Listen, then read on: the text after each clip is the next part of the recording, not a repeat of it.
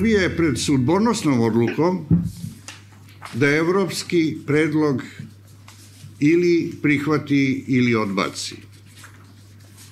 Optuživaće nas za izdaju, ali izdaje je, duboko sam uveren, makar iz nehata, držati Srbiju u lancima prošlosti i ne dopustiti da Srbi sa Kosova počnu da žive normalno u svu podršku matice. Ovo je, ponavljam, istorijska šansa, a od toga šta će se odlučiti zavisit će kvalitet života budućih generacija. Zato mi, za razliku od onih koji od Vučića ne vide Srbiju, apelujemo da se prihvati politička ponuda sa zapada kako je do sada nije bilo. Evo najpre bih krenuo onom rečenicom koju su očevi osnivači Sjednje američkih država počeli da postoje neke samo očevidne istine, samo očevidne istina danas u Srbiji o kojoj se toliko glasno ćuti je da je Kosovo nezavisna država. Odnosno ponuda za mirovni sporazum između Srbije i Kosova je sporazum za mir. Zamrznuti konflikt koji je trenutno na Kosovu je takođe konflikt.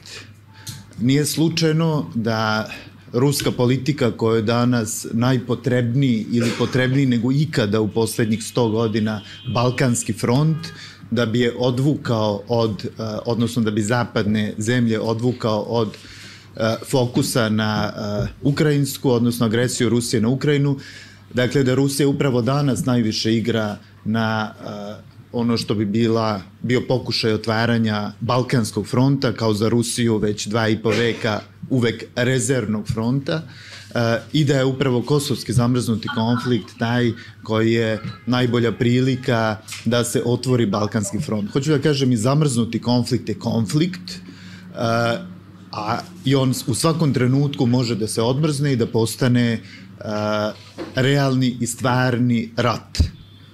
Utoliko je evropski sporazum o rešenju kosovskog pitanja, odnosno dobrosusedstvu između Srbije i Kosova, pre svega iznad svega sporazum za mir. Druga ključna stvar je da ovaj sporazum garantuje evropsku budućnost i Srbiji i Kosovu. Kao što smo i napisali u ovom apelu, građani Srbije, Kosova pa i čitavog regiona glasaju za Evropu pre svega nogama. Dakle, ova se društva prazne, depopulacija zastrašujuća, mi gubimo substrat za promenu, za reforme, za bilo kakav progres činjenicom da se najbolji deo ovoga društva opredeljuje za Evropu tako što individualno odlaze i napuštaju i Srbiju i Kosovo, a i ostala e, društva Zapadnog Balkana. Utoliko nam je potrebna evropska perspektiva i ovaj sporazum zaista to e, garantuje podrška sporazumu, da budemo tu odmah jasni, nije podrška Aleksandru Vučiću, nego je podrška evropskom sporazumu. Mi Vučića osuđujemo zbog toga što 10 godina kupuje vreme, uzima dragocenih 10 godina naših života, jer je ovaj sporazum mogao biti napravljen i potpisan i pre 10 godina. Uh, ovaj sporazum, naime, nije puno različit od uh, plana Ahtisari Plus. Takođe, nasuprot onome što vrlo često čujemo u medijima, posebno nezavisnim, protivljenje sporazumu nije protivljenje Vučiću, naprotiv. Protivljenje i rušenje Evropskog sporazuma o Kosovu je rad u korist Aleksandra Vučića. I odmah ću da obrazložim zbog čega. Naime, Rusija više ne postoji na međunarodnoj sceni kao akter.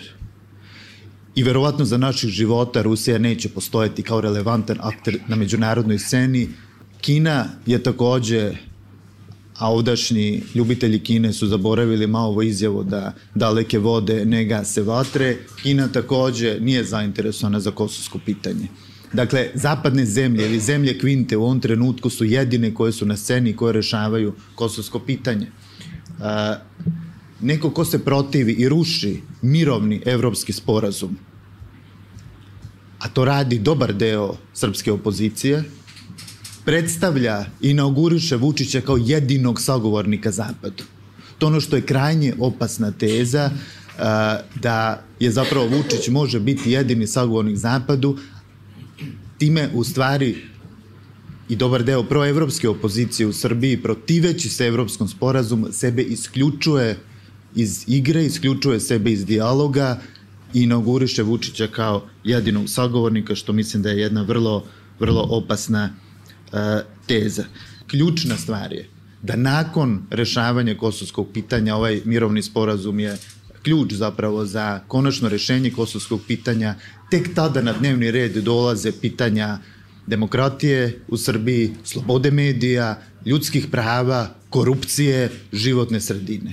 Onaj ko u opoziciji to nije shvatio, da bez rešenja kosovskog pitanja ne možemo doći na dnevni red i da Vučić ne može biti preispitan na pitanjima ljudskih prava, korupcije ili slobode medija, taj zapravo ništa nije shvatio. Bojim se da je idealna situacija da se po ko zna koji put srpsko junaštvo e, pokaže tako što će se napraviti bezuman. Jake su ovde, vrlo su sna, jake snage koje e, profitiraju od srpskog izolacionizma, znači kojima uljuđivanje, institucionalizacija Srbije nipošto ne odgovara jer svoje prljave i mračne poslove ne mogu da radi. Potpis e, na peticiji da se ovaj sporazum odbaci potpisao Vojislav Koštunica. To je e, čovek koji je Kosovo branio tako što je razrušio Beograd. Simbolički je to vrlo loše. Dakle, ovo se mora e, podržati bez ikakvih ali možda zašto zašto Vučića naprosto to nije pitanje Vučića to je pitanje strateške orijentacije Srbije u budućnosti verovatno za jako dug period kako da se odluči Dakle, nikakve uslovljavanja, nikakva e, zvezdice, nikakve fusnote podržati.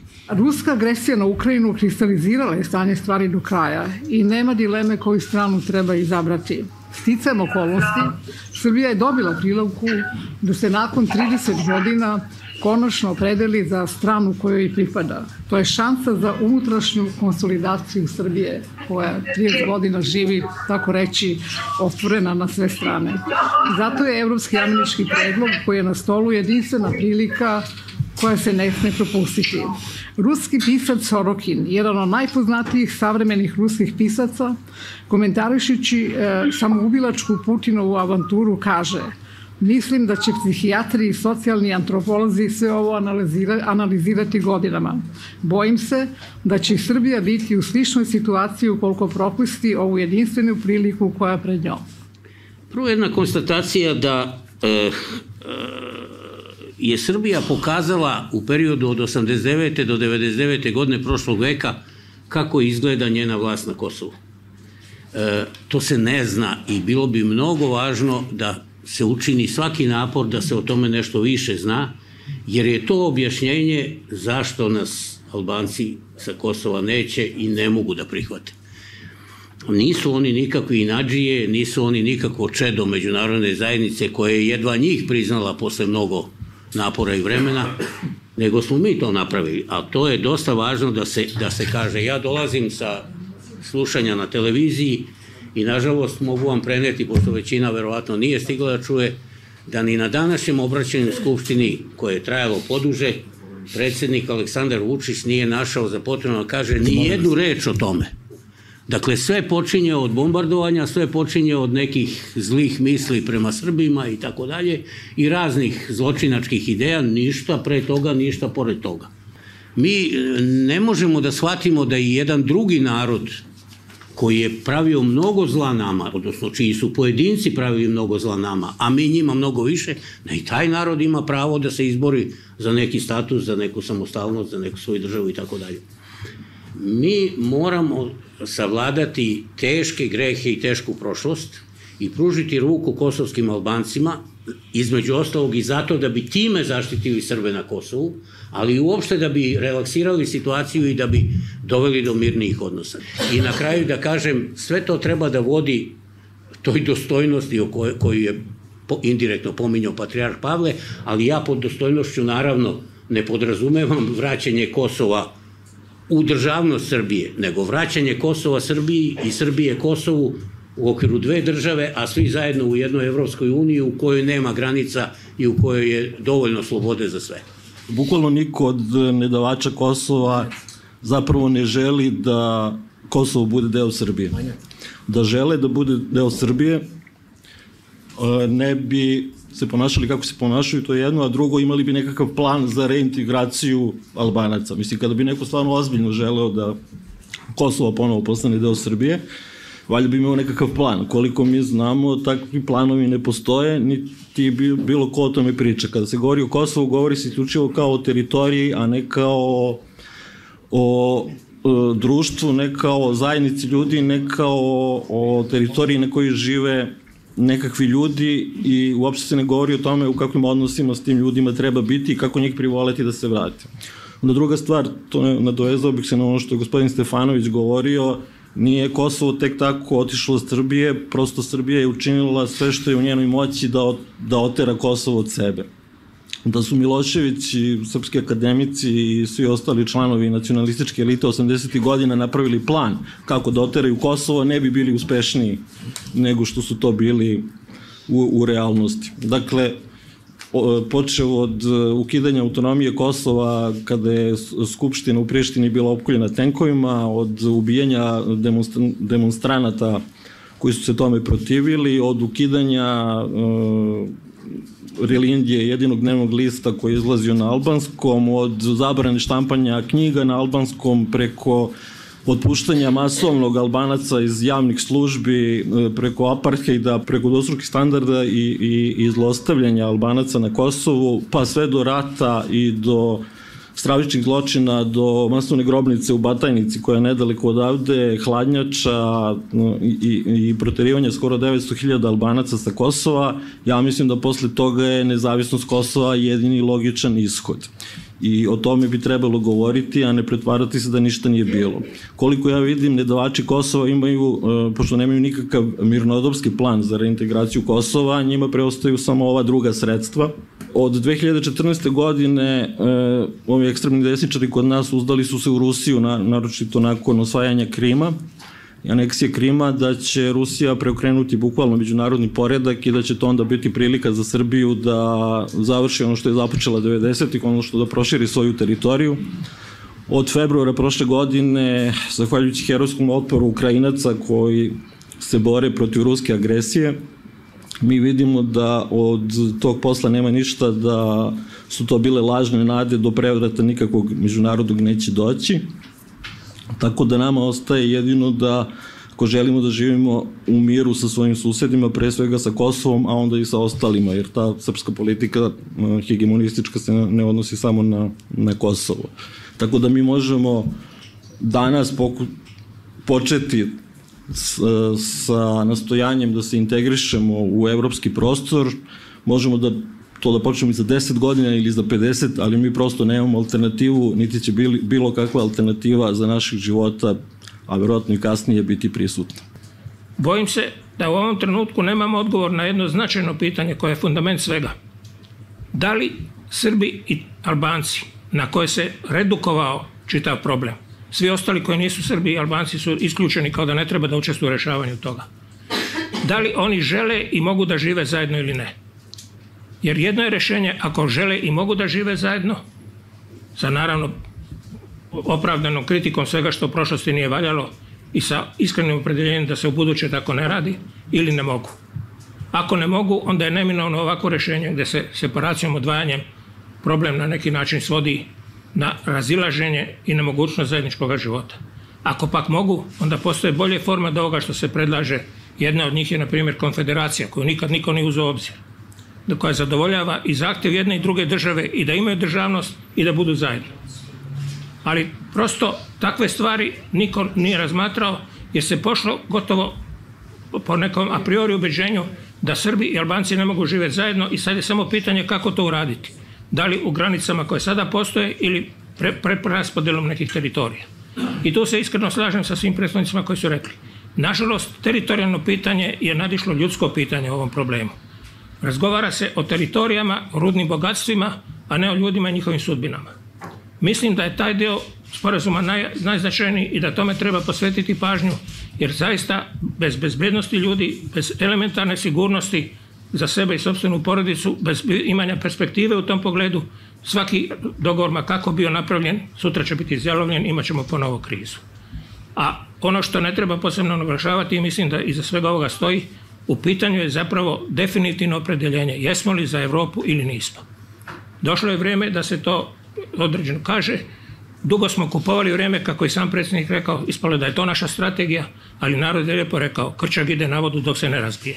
Naš se očito razbija. Moramo da pomenemo e, paradigmu svih planova. To je plan iz 95. godine Zagreb 4, e, nazvan Z4, koji je ponudio srpskoj zajednici unutar Hrvatske e, ne, nesvakidašnju autonomiju i državu u državi. E, Tuđman je u to vreme sa svojim saradnicima na silu i jedva prihvatio taj plan i najveća mu je nada i, i, i e, spas takozvane te njegove politike bila u tome da će Milošević i Srbi to odbiti.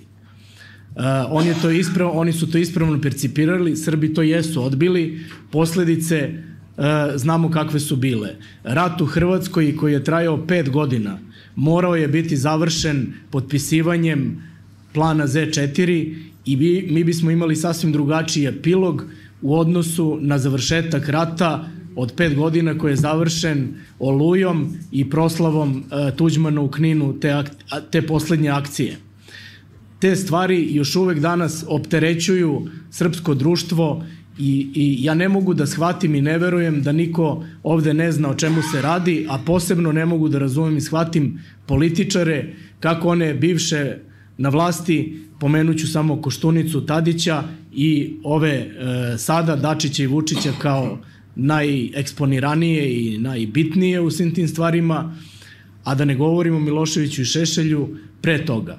Znači, svi sve znaju. Kao što znaju i svi opozicioni poslanici i opozicioni lideri danas, uh, sve ovo što mi danas govorimo kao dobronamerni ljudi i kao ljudi koji će verovatno u narednom periodu javnosti jedini iskreno da podržimo uh, prihvatanje ovog plana koji nam je ponuđen iz Evropske unije, za razliku od Vučića koji će to da radi na svoj uh, pokvareni, sebični, politikanski način, i u, krajnjem slučaju ponižavajući i za građane, ali i za njega kao predsednika. Nije, ja, nije tako lako i nije sve jedno prihvatiti plan, a pre toga opišete da se nalazite pred ultimatum, ultimatumom. Kakav si to predsednik ako prihvataš ultimatume na takav način? Moraš da objasniš građanima pre svega uh, genezu svoje politike koja je dovela do gubitka Kosova i do stradanja svih 90. godina. Ovde to nije imala hrabrosti da uradi ni jedna vlast.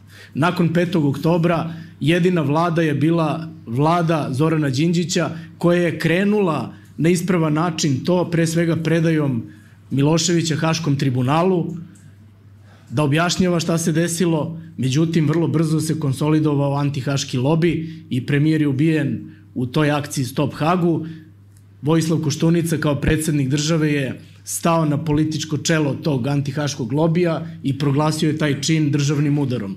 Ne možemo da ne pomenemo ove stvari zato što svi ovaj komentatori, politički akteri, novinari u studijima ovih dana kada pričaju o ovom planu pričaju isključivo o tome šta dobijamo, šta gubimo, da li će biti nekih para, neće biti para, šta će biti sa investicijama. Ne bagatelišem to, jako je važno, ali da bismo poentirali sa tim, da li ćemo da izgubimo investicije, moramo da objasnimo da se ne bi društvo osjećalo gubitnički, Šta se desilo, zbog čega smo u toj situaciji? Kakav smo mi to narodi i građani koji smo izloženi ultimatumu koji moramo da prihvatimo? Niko racionalan to ne može. E tu je ta slabost, nažalost, i sadašnje političke elite. Kad kažem političke elite, e, ne računam tu mnogo na Vučića. On je, bar nama ovde prisutnima, svima jasan. On, čovek, pokušava pre svega da zaštiti svoju ratnu prošlost koja je dovela do ovih problema. Ali mi nisu jasni opozicioni ni poslanici, ni lideri koji se utrkuju da daju gore izjave nego što ih daje Vučić danas na tu temu. Vučić je kako tako objasnio neophodnost prihvatanja i početak razgovora na osnovu ovog plana koji je ponuđen iz Evrope. Ali mi vidimo rezolutna odbijanja, čak podnošenje rezolucija parlamentu danas od strane e, mainstream opozicijonih stranaka koje su podržane od svih, pre svega elektronskih e, nezavisnih medija, kao jedina prava i iskrena opozicija Vučiću. Ne znači ako ste protiv Vučića u svakom delu da ste opozicija. Čemu ste opozicija? Da li ste opozicija Vučićevoj politici? Ne, uradili ste ono još gore. Vi ste postali opozicija zdravom razumu i opozicija perspektivi naše dece i naših mladih, a postali ste prvi branioci Vučićeve izvorne politike koja je dovela do ovog stanja u kome se mi nalazimo. Ja bih se vratila na ovo što je rekao Čedomir, da je taj bezbednostni aspekt ključan kada je pitanju međunarodna zapadna zajednica i njena strategija ovde na Balkanu.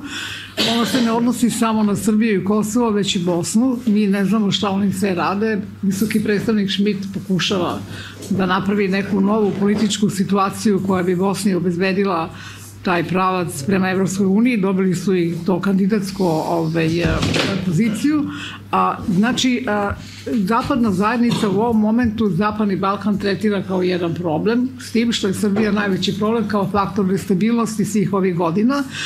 Samo bih podsjetila da je naša ovde opozicija, akademska zajednica, ceo taj krug nacionalistički je zapravo računao da će ruska agresija na Ukrajinu stvoriti okolnosti da se Republika Srpska ocepi to je u početkom te invazije ili agresije bilo vrlo aktuelno. Mislim, to je sada opalo, ali oni još uvek misle da će se stvoriti okolnosti, da će Rusija ne znam kako iz ove situacije izaći e, pobjednik ili neko ko će izdejstovati Dejtonski sporazum u Ukrajini i još uvek se, znači, očekuje neka vrsta preokreta koja bi omogućila realizaciju srpskog sveta. Mislim da je to iluzorno, da je to jedna člapnja i bez ruske ove, pomoći i njene ruke ovde.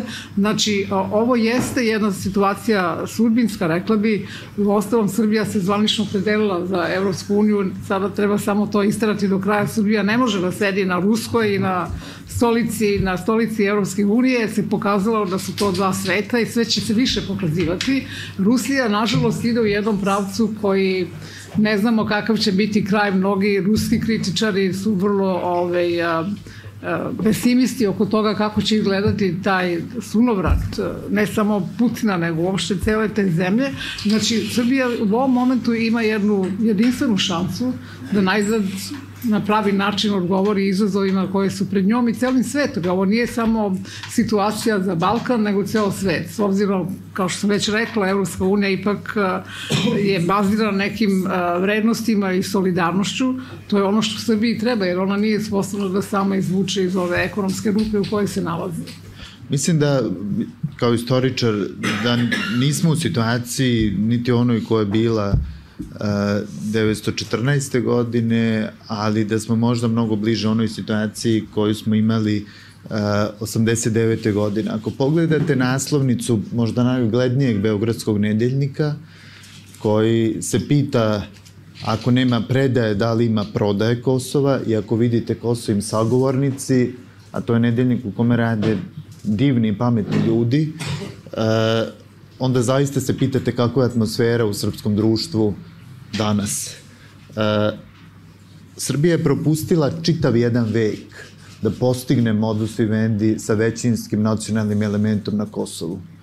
Postoje jedan period od 68. do 88. E, kada je Srbija pritisnuta iz jugoslovenskog vrha pokušala donikle da pronađe taj modus vivendi sa Kosovom i kada su kosovski albanci identitetski mogli da se dvojno legitimišu i odrede i kao Jugosloveni i kao Albanci.